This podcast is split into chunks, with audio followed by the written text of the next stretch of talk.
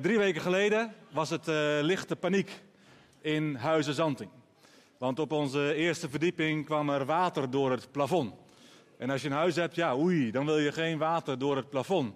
Dus dan moet je op zoek, dan moet je op zolder. En uiteindelijk, wat bleek, ja, uh, het moest, dat kon niet anders op een bepaalde plek.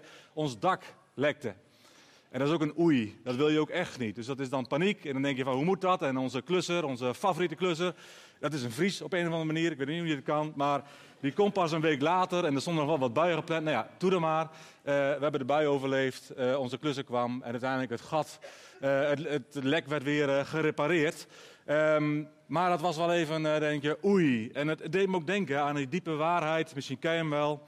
Uit Spreuken 27, vers 15. Een lekkend dak bij zware regen is net zo erg als een ruziende vrouw.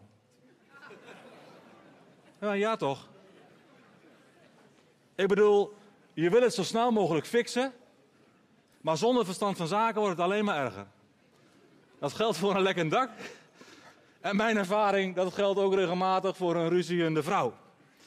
Gelukkig was er bij ons alleen maar sprake van een lekkend dak. Dus dat scheelt enorm.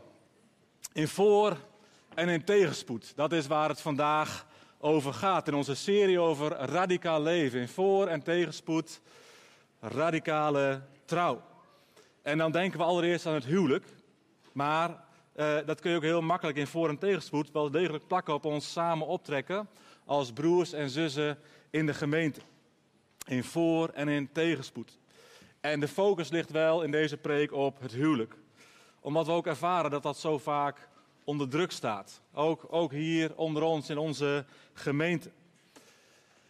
Ik kwam een mooie uitspraak tegen van de Puritijnen. De Puritijnen, de 16e, 17e eeuw, hartstochtelijke gelovigen. En die hadden het eigenlijk al aardig duidelijk. Zij zeiden, een christelijk huwelijk, dat, dat functioneert zoals God het heeft bedoeld. En dat kan, en dat gebeurt. Ja, zo'n christelijk huwelijk, man, dat is als de hemel op aarde. Maar zeiden ze erbij, een huwelijk wat echt niet functioneert zoals God heeft bedoeld, joh, dat kan zijn als de hel. Zo extreem gebruikten zij die beelden. Kluy en ik zijn dit jaar 23 jaar getrouwd. En wij, wij gingen ons huwelijk in met prachtige trouwtekst uit 1 Johannes 4, vers 19. Daar staat, wij hebben lief, omdat hij ons eerst heeft lief gehad. Dat is mooie, dat is diepe, dat is bijbelse waarheid. Ik bedoel, met, met God al als bron van alle liefde. En als wij ons aansluiten op die bron, ja, dan moet het elkaar liefhebben wel een mooie vrucht zijn. Wij, wij kunnen liefhebben, wij kunnen God liefhebben, we kunnen elkaar liefhebben vanuit zijn liefde voor ons. Uh, zoals de Engelsen zeggen, what could possibly go wrong? Het, het moet toch wel goed zijn.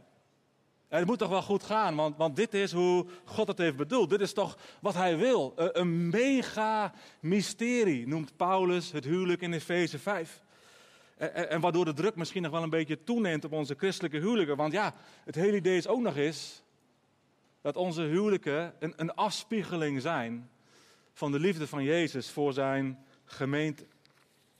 Efeze 5, vers 31 en 32 geeft hij daar woorden aan. Hij zegt, daarom, en dan grijpt hij terug op Genesis, op het begin. Daarom zal een man zich losmaken van zijn vader en moeder en zich hechten aan zijn vrouw. En die twee zullen één lichaam zijn. En in deze woorden schuilt een groot geheim. Ik betrek ze op Christus en de kerk. Een fantastisch geheim, groot geheim, mega mysterion staat daar in het Grieks. Een mega mysterie. Maar de realiteit is dat het getuigenis van Efeze 5 best onder druk staat. Dat achter tal van onze voordeuren er sprake is van teleurstelling. Eenzaamheid soms binnen je eigen huwelijk. Bitterheid. En misschien is dat wel jouw verhaal, of misschien ben je opgegroeid in een uh, gezin waar dat het verhaal was. En misschien is dat zelfs wel de reden, de reden dat je denkt, nou zou ik daar überhaupt wel ooit aan willen beginnen. Uh, maar gelukkig, laten we het ook vaststellen, gaat het achter heel veel voordeuren ook gewoon goed. Op genoeg plekken gaat het echt goed en kun je echt ervaren, ook als je daar bent, man, dit is zoals God het heeft bedoeld. Man, hier ervaar ik inderdaad in dit huwelijk een stukje hemel op aarde. En achter sommige de voordeuren lijkt het goed, maar gaat toch wel echt minder goed dan wat anderen daarvan te zien krijgen. En ook achter eh, onze voordeur ging het lang niet altijd vanzelf. En achter onze voordeur gaat het nog steeds lang niet altijd vanzelf. Wij zitten momenteel in een mooie, in een rijke fase in ons huwelijk met veel verbinding. Dat is heerlijk. Ik ervaar het als de hemel. Maar dat is niet altijd zo geweest. En dat zal zonder bewuste inspanning ook niet gegarandeerd zo blijven. En tegelijkertijd geloof ik dat het nog veel mooier kan worden tussen Claudia en mij dan het nu al is. Maar weet je, er zijn ook in mijn leven echt momenten geweest dat de gedachte er was: waarom heb ik in hemelsnaam trouw beloofd in voor- en in tegenspoed? Want dikwijls waren we echt uit verbinding door de jaren heen. En ik kwam me wel eens die gedachte: maar wordt dit wel echt mooier? Wordt dit wel echt beter? Wordt dit wel echt heler zoals het heeft, eh, de Heer het heeft bedoeld? En ik weet, er zijn hier ook broers en zussen die die belofte van trouw niet hebben kunnen waarmaken. Waar een, echtscheiding de enige uitweg leek te zijn. Met alle verdriet. En misschien wel extra schuld en schaamtegevoel op de koop toe. Want, want ja, je hebt die belofte die je voor het aangezicht van God wellicht hebt uitgesproken, die heb je verbroken. En ja, de Bijbel zegt wel, gij zult niet echt breken. En, en, en daar heb je je toe te verhouden. Maar oh, wat, wat kan het een worsteling zijn. En wat kan het een strijd zijn. En trouwens, we doen elkaar ook wel hele grote beloften. In huwelijksdiensten die ik mag leiden, hoor ik altijd ook prachtige, fantastische trouwbeloften die worden uitgesproken. Maar stiekem denk ik er wel eens bij, je weet niet wat je zegt. dit, dit, is, dit is te groot. Je, je belooft te veel. En, en, je wil bijna waarschuwen van doe nou rustig en wacht nou af. Aan de andere kant, oh, kan ik ook zo genieten van het onbevangene en van het oprechte geloof dat het goed kan zijn en dat het goed zal zijn. En waarom ook niet? Als je de goede dingen doet, dan geloof ik ook dat die beloften werkelijkheid kunnen worden. Maar grote beloften, ja, dat dachten ze in onze huwelijksdienst trouwens ook. Wij zongen in ons huwelijksdienst uh, opwekking 378. Hè, dat was in die tijd vrij hip. Uh, dat was ongeveer de range waar je zat, zeg maar. Uh, ik wil jou van harte dienen en als Christus voor je zijn. Uh, gaan we straks ook zingen na de preek. En ik, ik, ik doe even de hele tekst van dat lied. Omdat het gewoon ook heel diep is en het ook breder is dan huwelijk. Want het gaat ook over ons samen als broers en zussen. Als we optrekken als pelgrims. Maar een lied waarvan ook de mensen in de kerk zeiden van... Man, dit kun je toch eigenlijk helemaal niet zingen joh. Dit, dit, dit, dit is toch too much. Uh, uh, als Christus zijn voor de ander. We hadden zo'n kantorij, zo'n zo'n koortje wat dan a cappella zingt. Hartstikke mooi. Maar die zeiden echt van, nou, dat je dit nummer hebt uitgekozen. Ik zou het niet durven op mijn huwelijk. Nou, wij durven het wel en ik geloof er ook in. Ik wil jou van harte dienen en als Christus voor je zijn. En bid dat ik genade vind, dat jij het ook voor mij kunt zijn. Wij zijn onderweg als pelgrims. Vinden bij elkaar, hou vast. En mag dat zo zijn, ook in onze huwelijken, in onze gezinnen, in onze relaties. Naast elkaar, als broers en zusters, dragen wij elkanders last. Ik zal Christus licht ontsteken als het duister jou ontvangt. Ik zal jou van vrede spreken, waar je hart naar heeft verlangd. Ik zal blij zijn als jij blij bent. Huilen om jouw droefenis. Al mijn leeftocht met je delen, tot de reis ten einde is. En dan, dan zal het volmaakte komen als wij zingend voor Hem staan. Als wij Christus weg van liefde en van lijden zijn gegaan. Vind het een intens lied. Er is zelfs in andere kerken echt een discussie geweest. Kun je dit lied wel zingen? Mag het wel vrijgegeven worden voor de eredienst uh, in die tijd? Uh, want dit kun je toch niet zingen? Dit kun je toch niet waarmaken? Dit is toch veel te groot? En zo kunnen we soms ook denken over huwelijk. Van, oh, maar dat is toch eigenlijk veel te groot. Wat we willen, wat we verlangen, wat we misschien elkaar wel opleggen. Van, Heer, hebt u het zo bedoeld? Is het mogelijk? Kan het wel? Ja, het kan. Ja, het mag. Ja, het is mogelijk. En ja, het is groot. Het is een mega mysterie. En ik denk dat we nog zoveel te ontdekken hebben van dat mega mysterie. Dat we nog zoveel groei kunnen doormaken, ook als je al tig jaar bent getrouwd. om meer te proeven van dat mega mysterie, van wat het huwelijk is. Want kunnen we dit zingen? Ja, we kunnen dit zingen. Paulus zegt in Efeze 5, hetzelfde hoofdstuk als dat mega mysterie in de eerste verse. Volg dus het voorbeeld van God, als kinderen die hij lief heeft.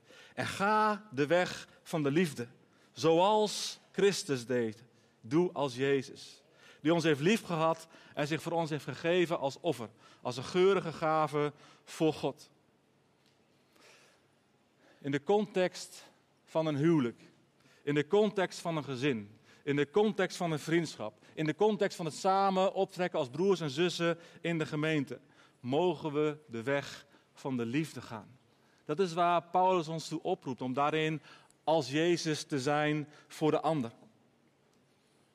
Maar de realiteit is, en ik denk dat we dat allemaal nou ja, wel snappen of al hebben ontdekt, uh, het gaat niet vanzelf beter. Het gaat niet vanzelf de goede kant op. En dan is de vraag, maar wat is dan het antwoord? Wat is dan de keuze? Wat is dan het recept om wel verder te komen? Om wel ergens te groeien in je relatie, dat het huwelijk wel wordt zoals het toch is bedoeld. En de sprankeling die je daarin kunt ervaren. Het is niet eenvoudig. Dat is ook de realiteit. Eh, en tegelijkertijd, het begint. Het begint met de belofte om te blijven. De belofte om te blijven in voor- en in tegenspoed. En daarom doe je denk ik met samenwonen. Als je gaat samenwonen, je doet jezelf zo tekort. Doet jezelf zo tekort. We kunnen zeggen, ja, wij zijn, zijn tegen samenwonen. Nee, wij zijn tegen echtscheiding. Nee, wij zijn voor gezonde huwelijken. Dat is waar ik onbekend wil staan als gemeente. Wij zijn voor gezonde huwelijken. En als je gaat samenwonen, je doet jezelf zo tekort. Ik hoop dat je dat snapt en dat je daarna wil kijken. En dat je wil onderzoeken, hoe heeft God het bedoeld? Het huwelijk. Daar waar je ook die belofte uitspreekt voor het aangezicht van God. Het heeft waarde. Het heeft waarde gehad in mijn leven om te blijven staan op die belofte. Ook in periodes waar het wel ingewikkeld was en we uit verbinding waren. Wij willen in deze gemeente heel intentioneel zijn en heel concreet bouwen. En nog veel misschien wel intentioneler dan we ooit zijn geweest. Aan gezonde vriendschappen, aan gezonde huwelijken, aan gezonde gezinnen. En daarom wil ik nu ook heel concreet vijf belangrijke bouwstenen aanreiken. Die je huwelijk, maar ook andere betekenisvolle relaties in je leven kunnen verdiepen en verrijken. Ook als je al heel lang bent getrouwd. Het kan echt nog zoveel mooier worden. Maar het gaat nooit vanzelf. Je hebt daar echt ook intentioneel inspanning in te leveren. De vijf punten, je ziet ze op het scherm, vind je leven in God. Geef je gebrokenheid een plek. Leer de geestelijke aanvallen op je huwelijk te herkennen. Investeer in elkaar en zoek op tijd hulp. En heel kort wil ik aan alle vijf wat woorden geven. De eerste is, vind leven in God. Wij hebben lief omdat Hij ons eerst heeft lief gehad. Oftewel, God is de bron. Bij Hem is het leven. En bij Hem hebben we allereerst onze vervulling te vinden. We hebben het niet te verwachten van onze partner dat Hij al onze behoeftes vervult. We moeten allereerst bij Jezus zijn. Voor de vervulling van onze verlangens, de verlangens van ons hart. De beste oproep die ik kan doen en die je elkaar kunt doen, is om Jezus meer lief te hebben dan je partner. Het allerbeste advies dat ik kan geven voor je huwelijk, heb Jezus lief boven alles, ook boven je partner. Echt. Als dat lukt, ja, dan volgt de liefde voor elkaar vanuit die bron. En die bron is onuitputtelijk. Dat is ook wat, ik proef de, de, de, de preek van Mieke over het grote gebod. Maar als, als dat echt het verhaal is, dat we God lief hebben met alles wat in ons is, ja, dan zit daar de belofte dat het dan ook zal lukken om de ander lief te hebben als onszelf. En ik wil wandelen in die belofte door Jezus daadwerkelijk de hoogste prioriteit te maken. Jezus moet belangrijker zijn dan Claudia in mijn leven. En ik geef mijn leven voor haar. Maar Jezus daarboven. Ook als de ultieme bron. En ook als degene waarvan ik zo vaak zing: Heer, u bent genoeg voor mij. Maar als dat zo is, als Hij genoeg voor mij is, dan onthoudt mij dat ook van het leggen van irreële verwachtingen op wat Claudia allemaal zou moeten leveren of doen voor mij. U bent genoeg voor mij. En vanuit die vervulling, vanuit die ontspanning, hebben we elkaar zoveel te geven. En ik wil je ook echt aanmoedigen in de relatie die je hebt. Maak het een gespreksonderwerp. Weet je van elkaar hoe je tegenover God staat? Weet je van elkaar hoe gezond je relatie met de Heer op dit moment is? En hoe kun je elkaar helpen om te groeien in je relatie met God? Samen groeien, is denk ik fundamenteel. Ik heb ervaar, als je in de geest één bent, dan helpt dat ook weer uh, qua ziel en lichaam, als het gaat om eenheid.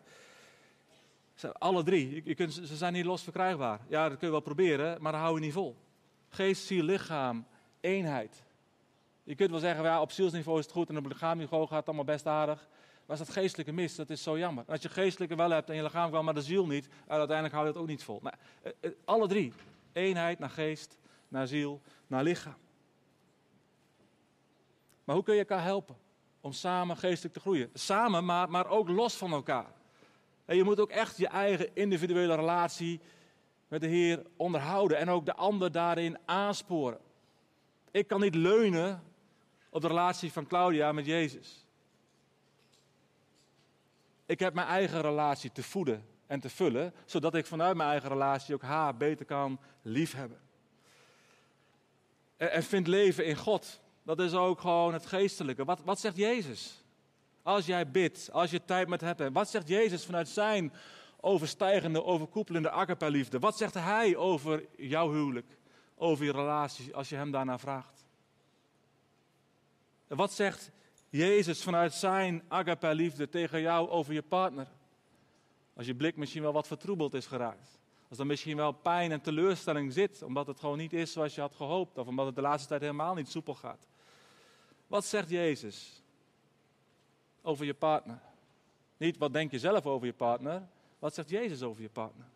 Ook dat is vind leven in God.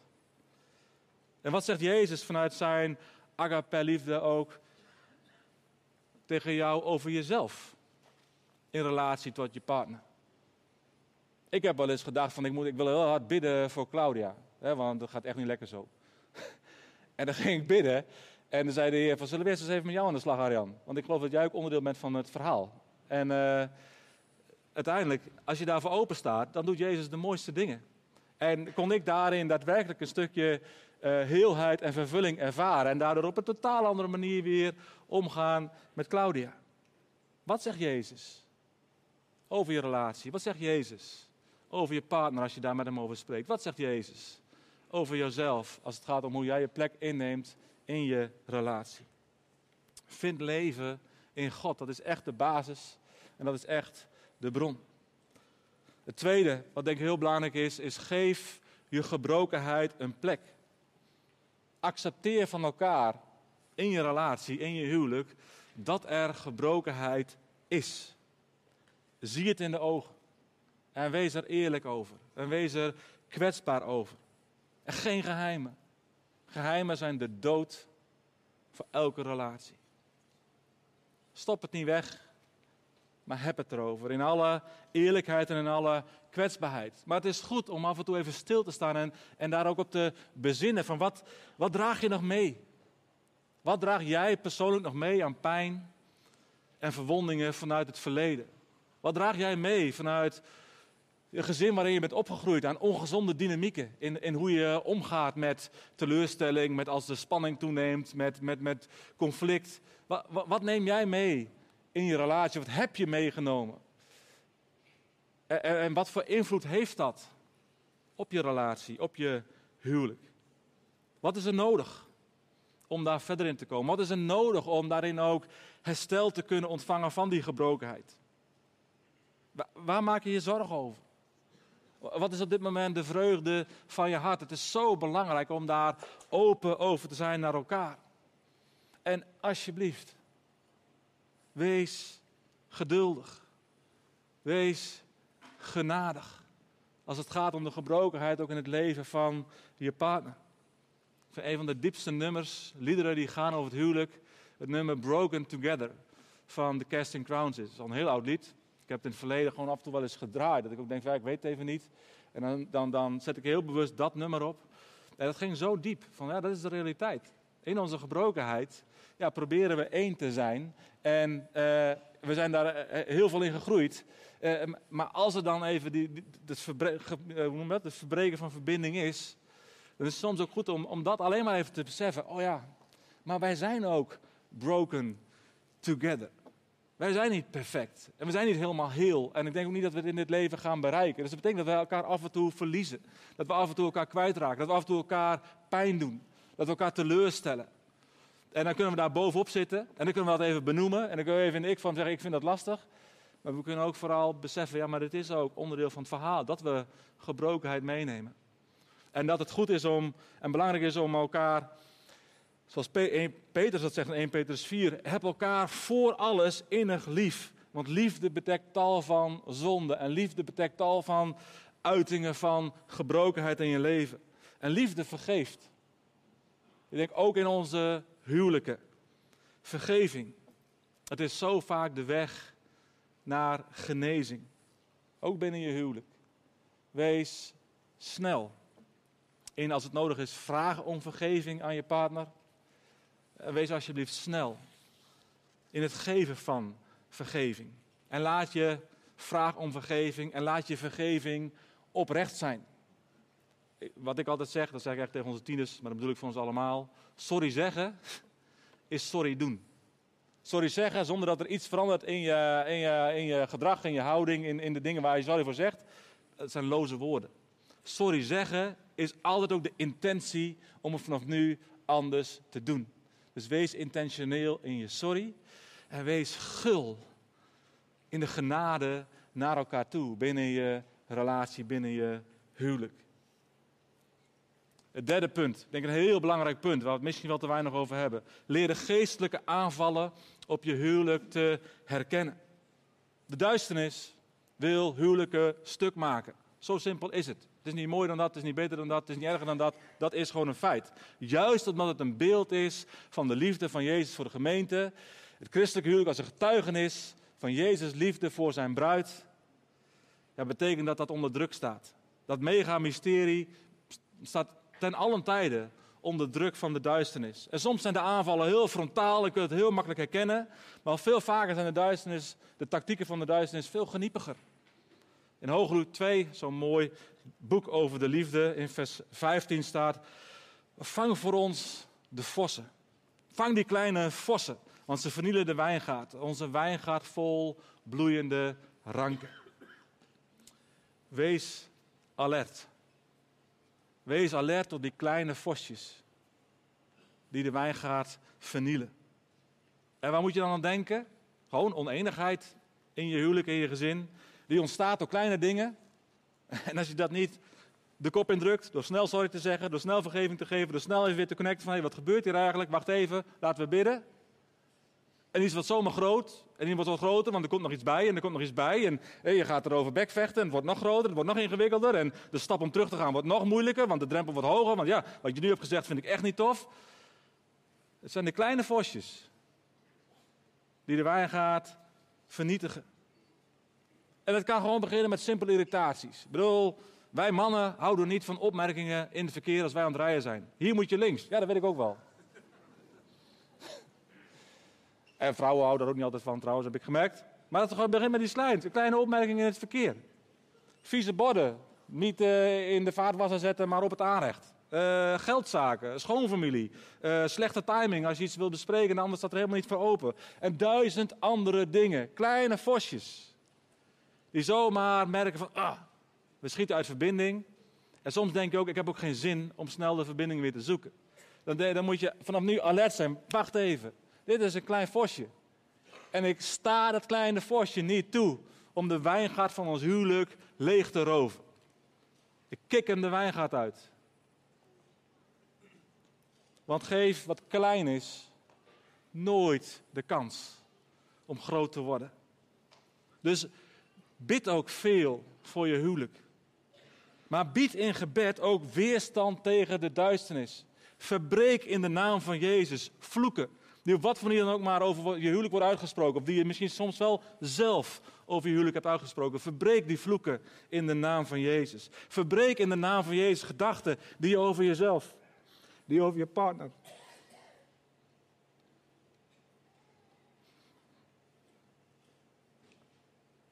die je over je huwelijk hebt toegelaten en die niet van God zijn. Verbreek ze in Jezus' naam. Laat ze niet langer van invloed zijn in je huwelijk.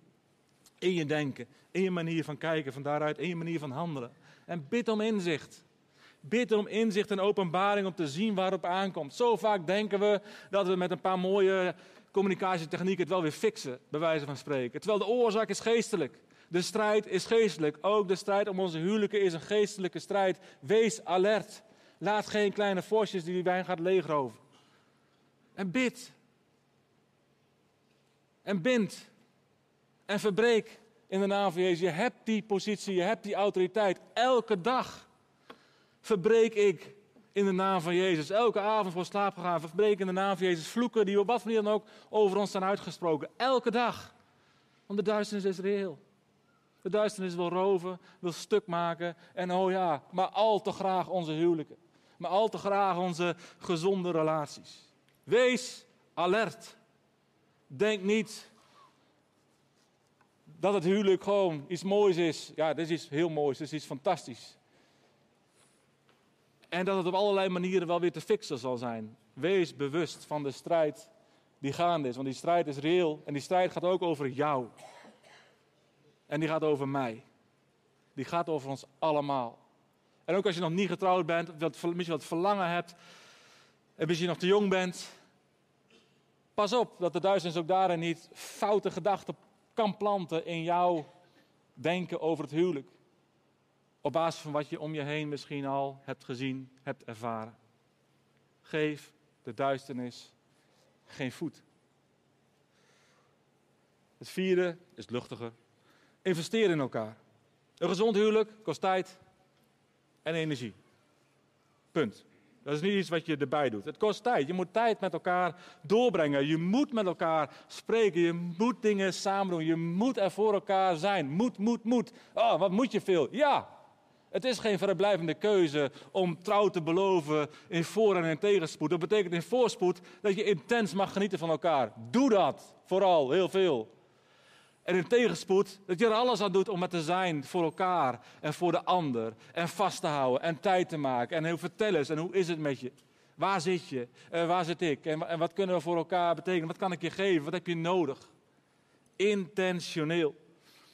Gerichte tijd samen. En als je gezin hebt met kinderen, tieners, joh, ga alsjeblieft met enige regelmaat, en dat kan verschillen ook naar aanleiding van je financiële mogelijkheden, maar ga een weekendje weg zonder de kids. Regel dat. Elke keer als Claudia en ik dat doen. De laatste keer was uh, recent tijdens het Reflect Weekend. Hè. Ik bedoel, drie tieners hebben we. Die waren alle drie op Reflect Weekend. Nou, betere oppas kun je niet verzinnen.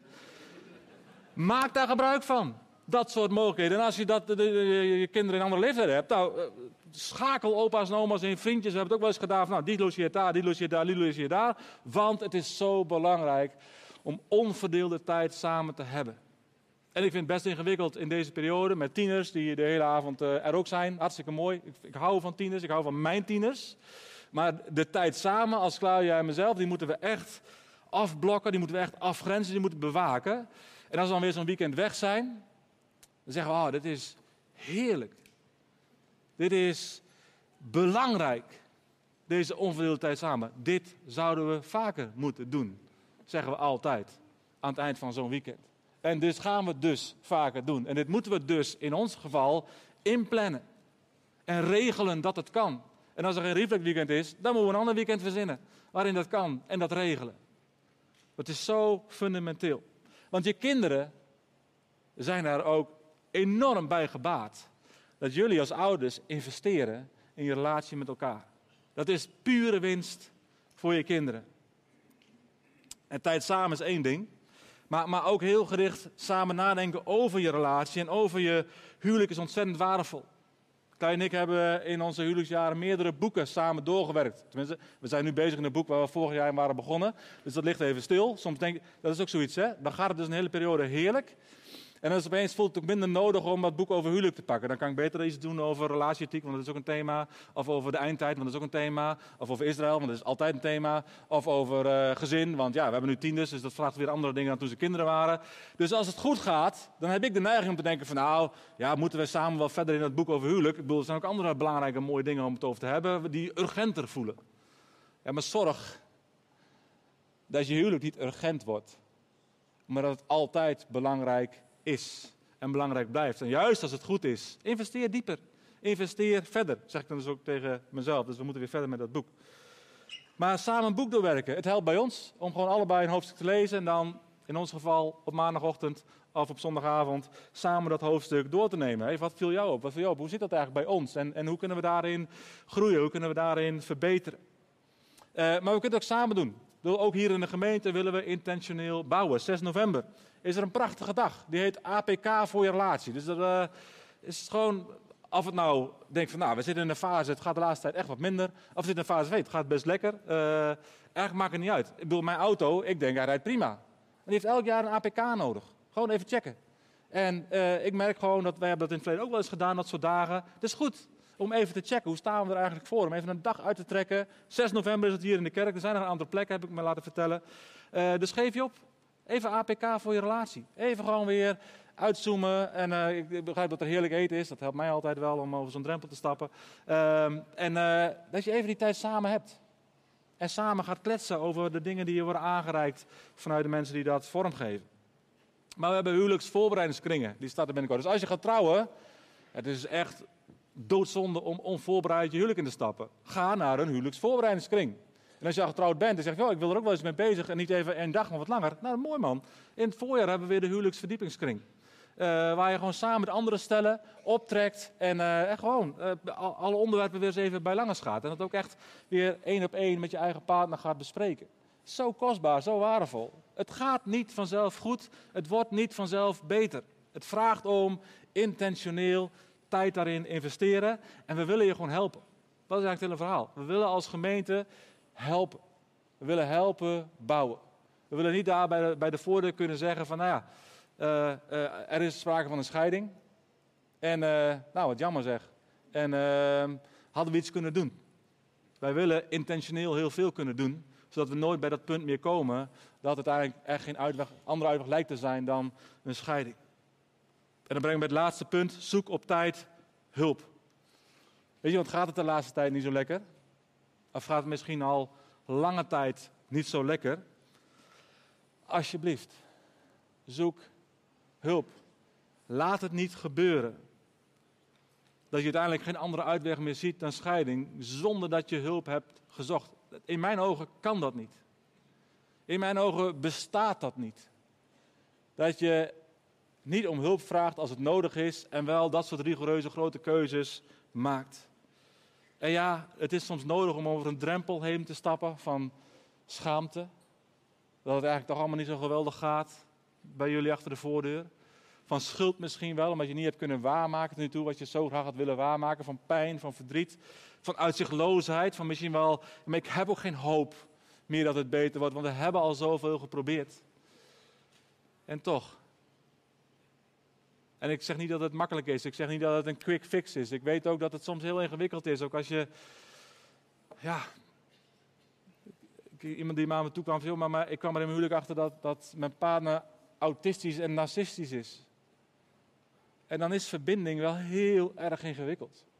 En dan zijn er geen goedkope antwoorden, dan zijn er geen quick fixes, dan is er niet een mooi stappenplannetje van nou doe dat maar, dan komt het wel goed. Dan is het soms zo dat het ingewikkeld blijft. Maar in heel veel andere gevallen is er wel degelijk hoop. En kan het wel degelijk veel mooier worden dan het nu al is. Dus je kunt hulp vragen buiten de gemeente, maar ook binnen de gemeente. Er zijn echtparen. Sterker nog, er is een prachtig team. Frans en Anneke zitten hier op de eerste rij. Die leiden dat team. Die hebben ook net een nieuw mailadres, huwelijk.stadskerk.nl. Die leiden een team met, met, met echtparen, met mensen. Uh, die zeggen, joh, maar we willen dolgraag samen oplopen met echtparen, waar het gewoon even niet zo lekker gaat. We willen tijd investeren in elkaar. We willen elkaar helpen. We willen als broers en zussen die samen onderweg zijn, zoals het lied zegt, als pelgrims, willen er voor elkaar zijn. Ook als broers en zussen in de gemeente, ook als echtpaar in de gemeente, als singles in de gemeente. We willen er voor elkaar zijn in voor- en in tegenspoed. En we, hebben, we kunnen zoveel voor elkaar betekenen. Juist ook in periodes van tegenspoed. Dus laat het toe. Als, als je weet van als er niks verandert, dan gaat dit op de kop verkeerd. Laat het alsjeblieft toe. Stap over je trots heen als er sprake is van trots. Maar laat het toe. Zoek hulp. er waren vijf concrete dingen die je kunt doen om te bouwen aan een gezond huwelijk. Dingen die je verder kunnen helpen in, ja, om, om, om radicaal trouw te zijn in voor- en in tegenspoed. En om ook radicaal trouw te blijven. Amen. We gaan bidden. Na het uh, gebed uh, gaan we dat, dat, lied zingen. En ik, uh, ik wil je uitnodigen om dat lied heel bewust te zingen met iemand in gedachten. Als je bent getrouwd, je huwelijkspartner. En dan kun je elkaar misschien, als je ook al, er allebei bent, elkaar even in de ogen kijken. Um, als je niet bent getrouwd, denk even aan een broer en zus waarvan je weet dat hij het ook lastig heeft op dit moment. En, en, en dat je dat zo zingt. Ik wil jou. En, wie is jou in dit geval? Ik wil jou van het harte dienen. En als Christus voor je zijn. En er is straks ook ministriegebed. En uh, kijk, in een dienst als deze snap ik ook wel dat als je weet van het gaat eigenlijk helemaal niet lekker en we kunnen eigenlijk wel gebed gebruiken, dat het ook kwetsbaar voelt. Om te zeggen van, zullen we samen gebed vragen? Ik wil een gemeente zijn waar we elkaar op geen enkele manier aankijken als het even niet lekker gaat. Ik wil een gemeente zijn waar het veilig is om te worstelen met wat dan ook. En als je worstelt, man, wat willen we graag voor je bidden. En als je niet worstelt, maar je hebt wel verlangen als die niet uitkomen, man, vraag om gebed. Als je wilt danken, omdat je misschien wel juist uit een shitperiode bent geweest en nu gewoon echt heel mooi dat je echt op een andere plek bent in je huwelijk, dan is het ook goed om daarheen te gaan en zeggen, ja, maar ik wil ook, dit is ook een moment om te danken, om te vieren dat we niet meer zijn waar we waren. Maar mag het zo zijn dat we hier gewoon worstelen? En dat het het mooiste is wat we kunnen zien. Dat je de stap zet om te zeggen, wil je voor me bidden? Ik heb vaak genoeg in mijn leven op alle gebieden, maar ook op het gebied van huwelijk, gebed moeten vragen. Heer, wil je, voor me bidden? Want uh, het, het, loopt gewoon niet. En ik weet het niet en ik zie het op dit moment niet. En het heeft altijd geholpen. Het heeft altijd geholpen om het perspectief weer even groot te maken, om mijn hart zachter te maken. En we kunnen nagaan. Ik heb een fantastische vrouw. Dat denk ik, ik denk dat sommigen denken van, Arjan, wat loop je nou te, te blazen en te klagen en uit verbinding? Hoe kan dat nou? Claudia. Ja, dat snap ik ook niet. Het zal dus aan mij liggen waarschijnlijk. Dat het niet altijd vanzelf gaat. Maar zelfs met een fantastische vrouw of een fantastische man gaat het niet altijd vanzelf.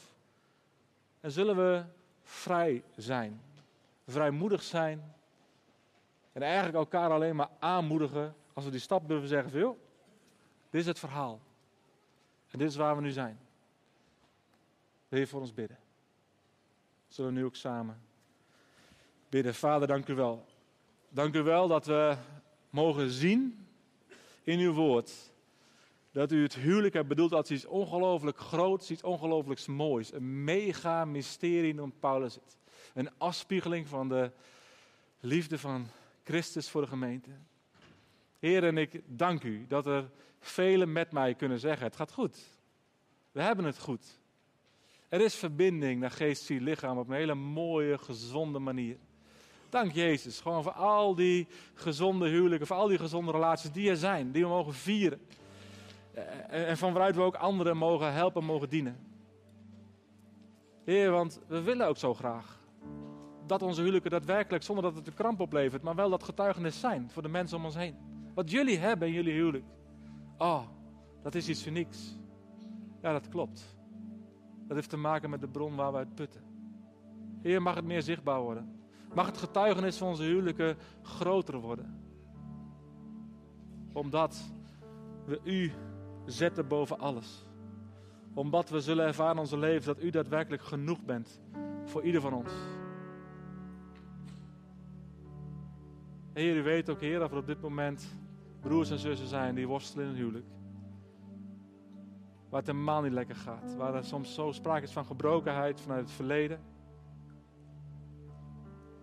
Waar er misstappen zijn gemaakt, waar ontrouw is geweest. Waar onreinheid is binnengeslopen. Wat zoveel stuk maakt. Heer, ik bid dat u op dit moment ook, als we even stil worden. Door uw Heilige Geest spreekt in onze harten. Is er iets, Heer? Is er iets wat u wilt zeggen? Over onze partner? Over onze toekomstige partner misschien wel? Over ons alleen zijn of alleen voelen? Wilt u iets zeggen over onszelf en onze relatie? Wilt u iets zeggen over onze huwelijken? Als wij stil worden. Ontzeg de duisternis het recht om wat te verstoren in de naam van Jezus. Heilige Geest, wat wilt u zeggen op dit moment?